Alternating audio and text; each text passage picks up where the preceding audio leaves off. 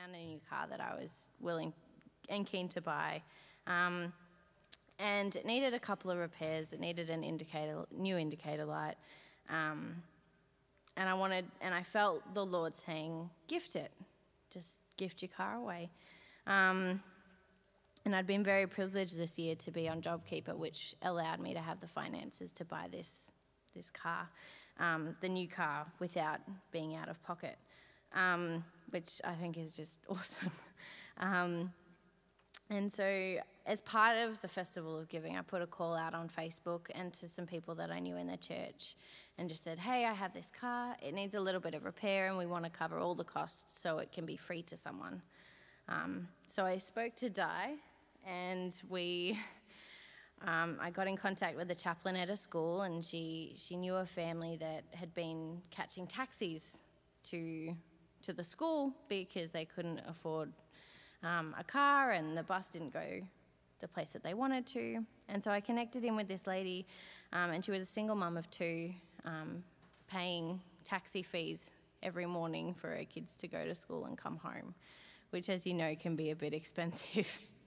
Um, and so I ended up speaking to a couple of people, and one lovely couple um, agreed to pay for all the repairs on the car, which was not cheap. Um, and it ended up being amazing. Um, and we found a local mechanic and they fixed it all up.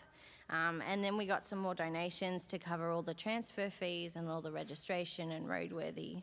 Um, so it was definitely a community giving space, which I was really privileged to be able to fa- facilitate and kind of get that started. Um, so we we um, tried to get everything done before Christmas, but with everything closing and restrictions just opening and everything kind of booming, it was really difficult. So it had to wait until just after Christmas, um, which was a bit frustrating for me because I knew that it would be awesome as a Christmas present getting a car. Like, how cool would that be? Um, and so we got it roadworthy and got it all fixed up and got it ready for her. Um, and last week I drove it over there to gift it to her.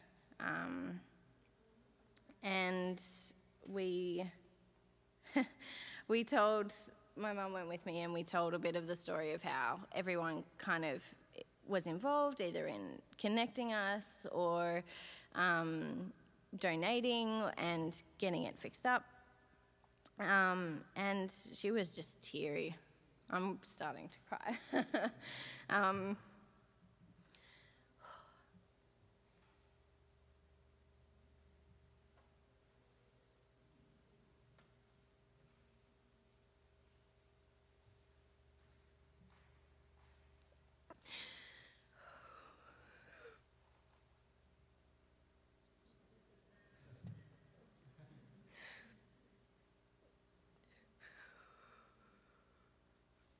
I didn't think I was going to do this this morning.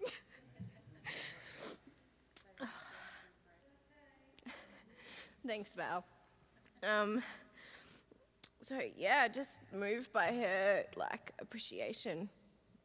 Um, when we were filling out the forms, she went inside to get her license and um, came back with the forms, and there were teardrops on them. She didn't cry in front of me because it's a stranger and it's weird and you don't know them and but it was just amazing um, and she was blown away. So i'll read you this text message she sent me for all of you that contributed um, dear sienna if you could pass this message on to your church i would highly appreciate it. Words can't describe how overwhelmed i am that not only Sienna, out of the goodness of her heart, has helped my family in so many ways, but to hear her mother explain to me that the church community will rally together to donate money, genuine care and love to contribute to help. This has been absolutely amazing. Beautiful and inspiring to know that all of you have gone out of your way to spread your love to help anyone any way you can. I certainly have felt love from strangers I don't personally know, but in my eyes, you are all very much appreciated and thanked for everything you, person- you personally have done, especially Sienna. I cannot express in words how thankful my family is, and all I can say is God bless you and God bless everyone who has contributed to helping. Um, thank you from me and my daughters, Kira and Chloe. Thank you so much from the bottom of our hearts, love. So, yeah.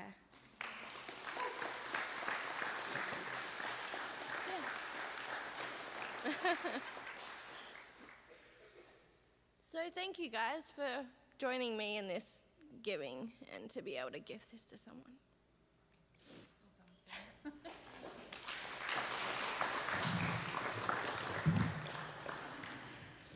Wow.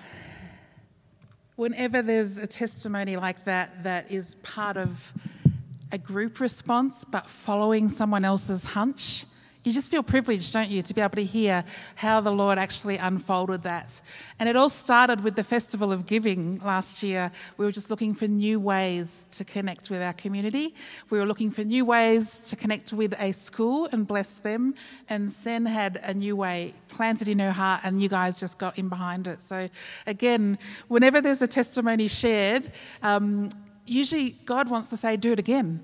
And so I was wondering, how are we going to do that? How are we going to give away more cars? There are many ways that we can share our stuff. And so I've got this idea. Let's put that on screen. We can share our stuff in many ways. And you might have one of these on the screen here that's coming up with little blue squares. No, it's not coming up. Anyway, we will put it up on Facebook this afternoon. We have grabbed the idea from another vineyard church that right now are in the same place as us of just wanting to find a new way of connecting with our community. And they're reading from Acts 2. And Acts 2 is where the holy bunch of believers had just been engulfed by the Holy Spirit. And as a result of that, in Acts 2, verse 40, 42 to 45, this is what community looked like. Are you ready? It says, and they devoted themselves to the apostles' teaching and the fellowship and to the breaking of bread and the prayers. And they awe came upon every soul.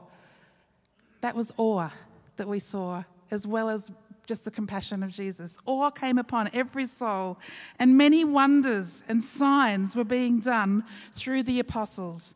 And all who believed were together and held everything in common.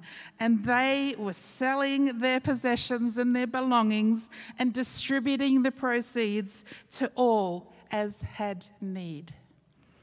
Doesn't that sound like what we're living with that story? And then, day by day, attending to the temple together and breaking bread in their homes, they received their food with glad and generous hearts, praising God and having favor with all people. And the Lord added to their number day by day those who are being saved. He's doing it again, and he's doing it again in this local community. I'm just going to check. Have we got screen? yes. So you might like to each week engage with a practical way that you can share your stuff. And these are a whole bunch of cards that Brisbane West are using. As I said, we'll put them up on Facebook as well. And maybe you in your life group or your families or your households, or just like Sen, might be prompted to do something that's going to connect with people in our community or in our church so that you can share your stuff as the new believers did. When you're filled with the Holy Spirit, it's got to go somewhere. Kingdom life is all about relationships. So we just invite you each week that we're going to have a, a lot of different practical practical ways that you and your groups, your households can, can, can just jump in and be everyone gets to play. That's what we're going to call them. Everyone gets to play cards. All right, sound okay? Yeah. Cool. So share your stuff. That's one of the things we do as a new community. Father, we thank you right now that as we just gather around this message moment, we've just been so aware of that you're already on the move in our hearts.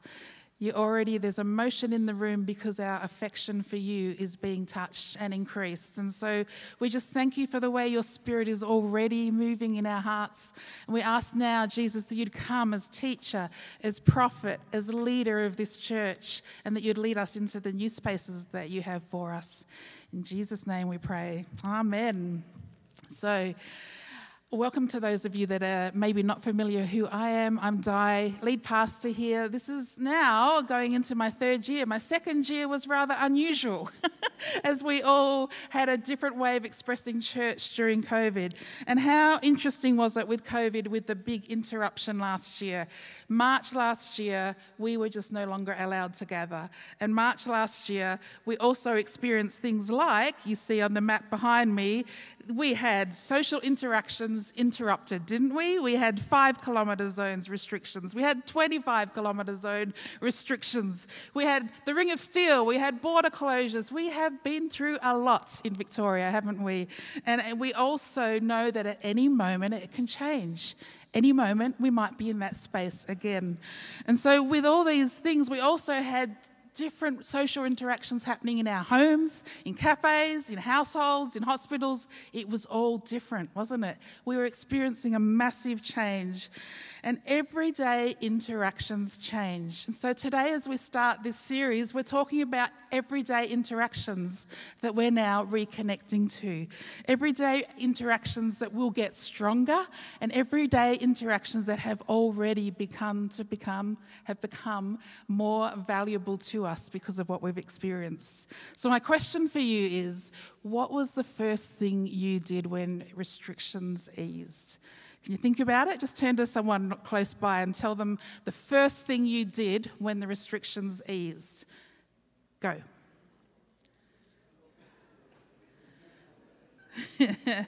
I'm hearing some good things from up here.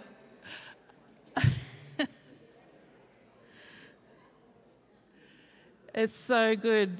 Many of you have told us that reunions were the big things that you wanted to do. You wanted to travel to places where you were going to see others. How many of you had reunions on your top of your list? Reunions with family, friends? Yeah, yeah. How many of you had something different to reunions? Yeah, yeah. Gary, what did you say? Golf, yeah, yeah. All the things we couldn't do, right? Everyday interactions changed. And right now, there are a lot of people here and around us that are making very big decisions about what their future will look like because of what we've experienced. And people who have the freedom to make big choices and big decisions, some people are making tree changes, they're doing sea changes, they're doing job changes. There's a lot of changes going on for people around us right now. And so today, as we look at Reconnect, we're also looking at a world around us and even in us that's quite uncertain, but also we know what we're going after. We're going after relationships and connection. So, just reminding you, this is the big story that we're in as Christians, okay? This is going to be super simple and super quick just because of time.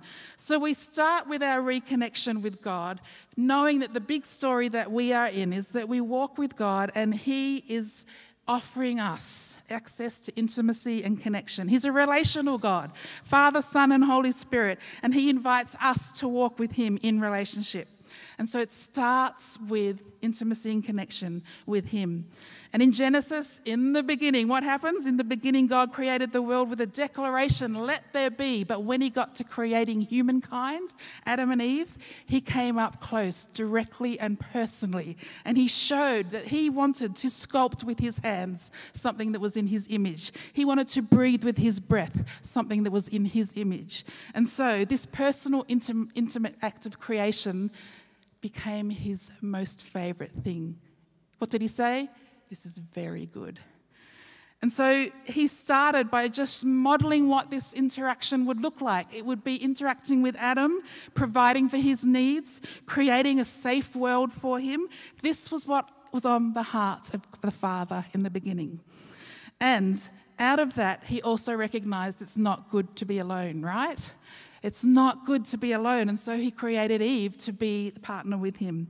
And so, this picture in the garden of intimacy and connection and safety with God and through God's designs is for all human beings. Then what happened? There was a sudden sad turn with the fall, and distance and estrange, I can't say that, estrangement happened, separation happened. And in that terrible time of temptation and the fall, all of a sudden the very thing of the heart of the Father changed, and it got traded for no longer a relationship of connection, but a relationship of distance. And so the big story that we're in continues through the Old Testament. And again, for the sake of time, we're not going to see the different ways that the Father was pursuing his people. But the people of God were now experiencing the presence of God in a former shadow of what it should have been.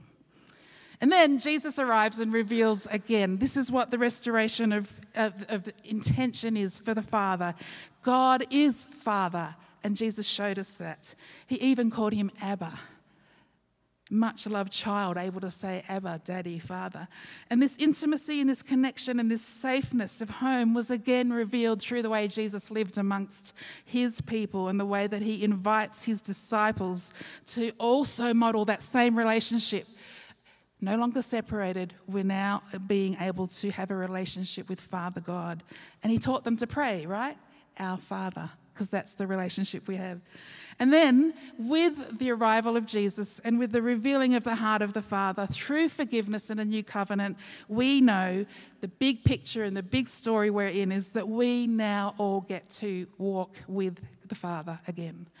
And we also get to share that invitation with those around us, like what we heard before with. Um, just simple acts, acts of kindness that are going to demonstrate that there is forgiveness available, there's no more obstacles in front of us in relationship with Jesus, and there is a new covenant, a relational commitment, a new relational commitment that Jesus brought relationship is restored. Woohoo! Restored with the Father. And we get to participate in that. That's the story we're in. That's why we give our lives on Sunday mornings to come and just worship together.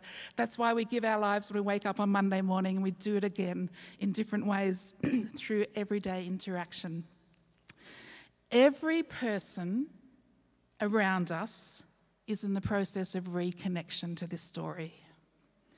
Every person in this room is in process of learning how it is to be connected to this story at all times. And whether we're aware of it or not, or whether they're aware of it or not, we get to live that out alongside them and walk with God and walk with them. Now, each of us have needs, and we all found out through COVID, right, that it was who you were able to reach out to in this sense of being able to belong, have home, have family became really important, didn't it? During COVID, those things were the things that got restricted and tested. And so those things now are also being reconnected. There's a natural human need in all of us to have connection and to be reconnected. And as COVID, we are in a prime opportunity to see what God's going to do in the coming future with this Acts 2 environment where we're sharing our stuff, we're praying, and we're doing things that the kingdom is going to bring revelation of Jesus. So, a question went up somewhere on one of the social, feed, social feeds this week saying, Who over this last year has not felt the need to feel safe in this environment? Probably not too many of us could put our hands up and say, Yeah, I've been fine. Everyone has had that feel, that, that sense of being threatened, whether it's through feeling unsafe or rejected or alone, whether it's been unprotected, maybe you felt unloved or overlooked, everyone has felt that. And what we need is to recognize this relationship journey that we're on and to reconnect because it's going to feel normal What's the new normal? The new normal is reconnecting with the Father again. And it's going to feel like everyday interactions, spending time with Him, talking with Him, listening to Him, being obedient to what He says, and changing our point of view so that we align with Him. It's that normal. When I say normal, it's normal because we know what is a relationship with the Father. But for others, that's not going to feel normal until they see it in the way that you're living. So, our everyday interactions, they're the things that are going to be spotlighted, and they're also the things that are going to allow that big story to break through.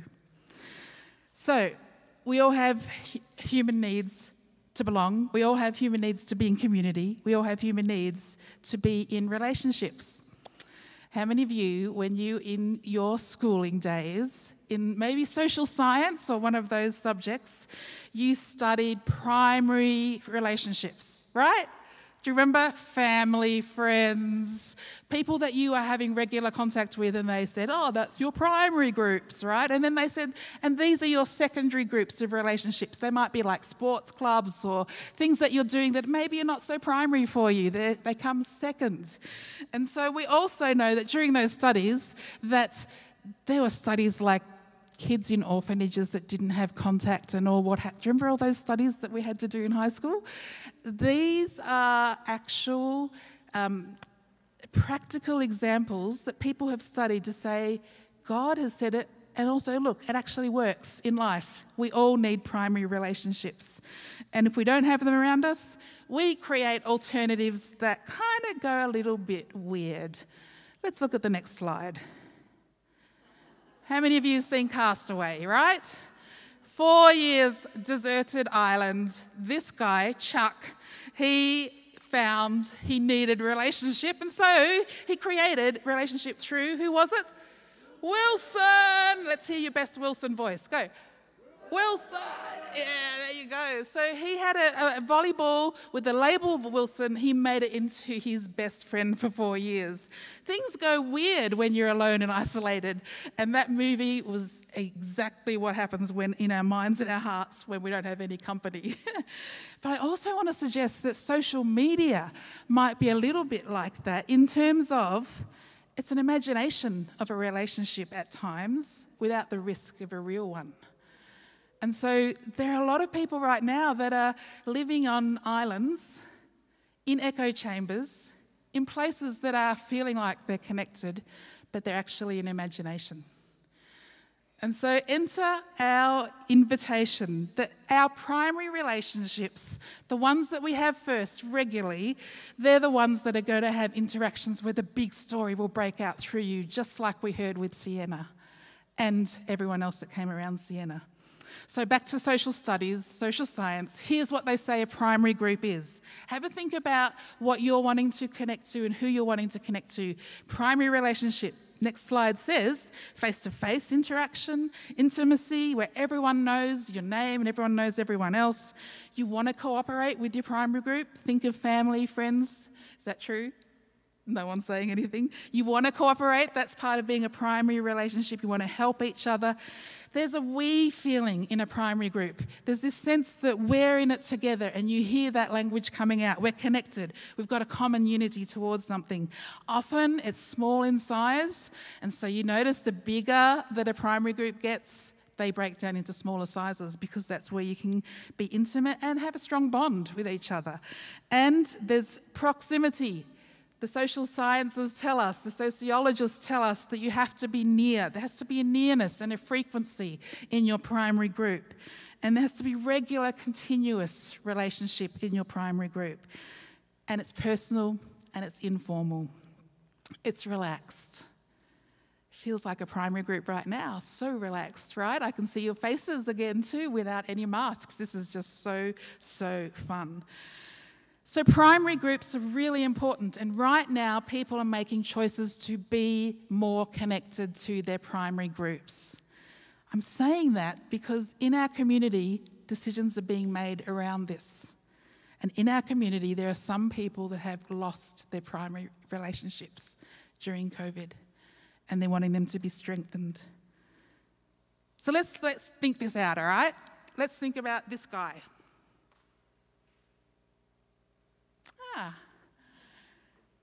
Does he fit a primary group or not? So let me tell you a story about my dentist, all right? My dentist, his name's Mario. And if you know Mario, you'd know he's, he's just the best dentist. He's a local, and for 20 years, he's been running his own business, his own practice, and he's built a culture in his dent- dentist practice that has been superb. I've loved knowing Mario. And he's also got a really cool girl called Katie, who is just a dynamo in terms of being a dental hygienist. Anyway, during COVID, this was one of the relationships we didn't get to have, right, for a while. I reconnected with Mario and his dental practice, and that became an interesting thing because as soon as I arrived, Katie took me into a room, which is what we all do, and Katie said, We lost Mario during COVID. They'd sold the practice to a bigger health provider. Katie was still there, but Katie was ready to talk to some familiar face.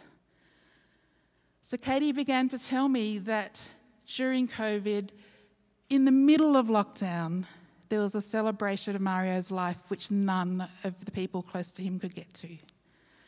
She had a lot of loss that she was sharing. During that time, she also said, and at the same time, we weren't able to come and work, and so her primary relationships of work and purpose was changed. But she also was sharing just how it was so different now that there was a big health provider running this practice. It became informal, it became the patients that came in did not know who was their dentist because the staff was changing so much, because there was no longer the stability of the Mario, the big heart of Mario. So as she's sharing, I just said, I, am so sorry. And I, you know, I obviously was very sad to hear that as well. But we went then down to another layer that I did not expect. This was before the dentist, the new dentist, came in. And Katie said, Did you know Mario paid for all my uni so that I could be a dental hygienist? I didn't know that. I've been going there for 15 years and did not know that relationship was that deep. She was going to be an actress. She's dynamic. She's amazing. But Mario saw when she was young, she had a gift with people. She was really good at what she did. And so he invested in her and said, Work here with me, work alongside me, and I'm going to pay for all your uni. Mario changed that relationship for Katie and changed that direction of her life. She's there now, 20 years later Mario has gone to be at rest, and she is there now carrying on a culture, trying to live a culture of what she's learnt from Mario in a place that's changed to a secondary group for her. That primary relationship has changed. My experience as I walked in there was I was still getting, I was still known by Katie, but by no one else. So I still had a primary connection there, right? And so, what I'm telling you this story is because we have lots of things that are familiar and regular that in a moment can change. So, right now, my relationship with Katie is going to be really different because she's shared at another level. And she's also, I said to her, You go anywhere, you've got to tell me where you go. I'm following you. We have a loyalty in our primary relationships, right? And so, this is the sort of interaction that happens when the big story breaks in and someone shares their loss and someone shares their joy and I was able then to also share that she had been there for 20 years this last year, and we missed celebrating that as well. So I share that because we are in a place that it feels like a timely place that you are going to have normal interactions.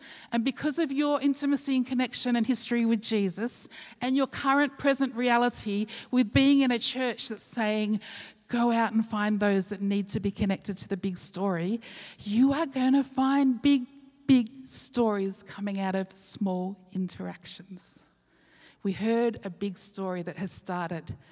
It's through a whole school that's been watching what's happened with this parent receiving a car as a gift that conversation is continuing.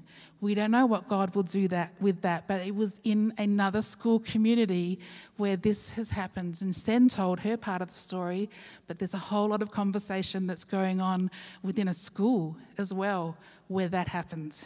And they saw an act of kindness.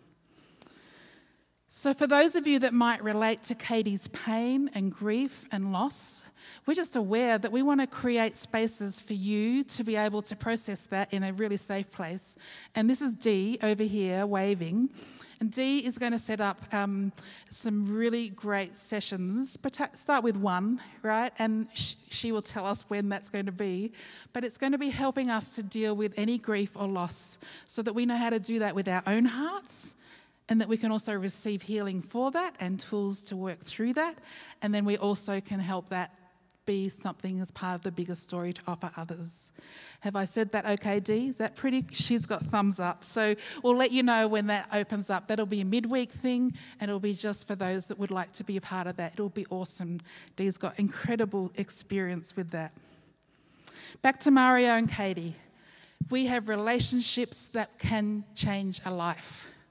Mario invited Katie into a place that became a relationship that changed her direction, changed her life, invested in her in very real ways.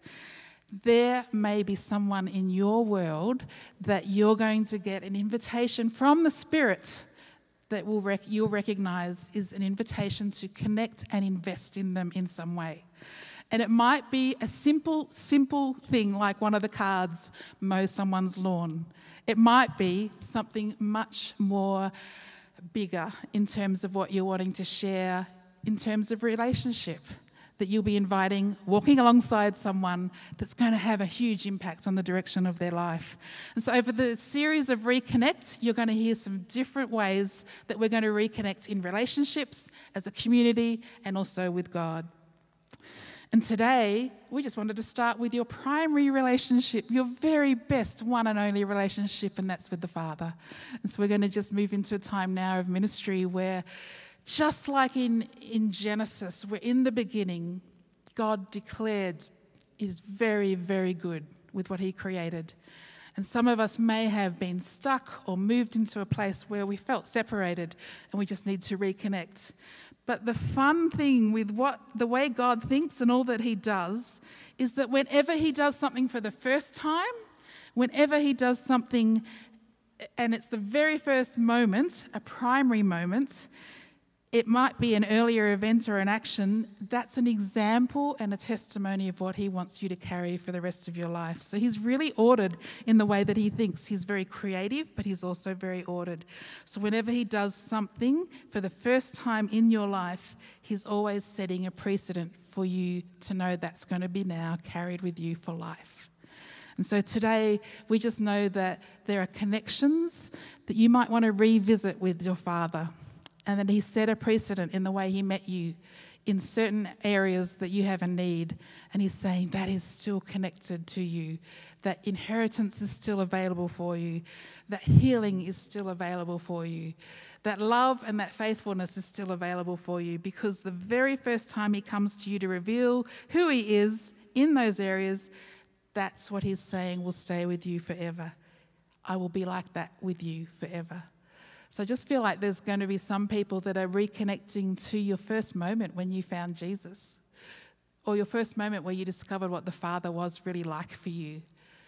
And just as Joe said earlier, and just be thankful and ask Him, is there anything more you're wanting to declare over my life about that? You said you'll always be for me in that way. I received it.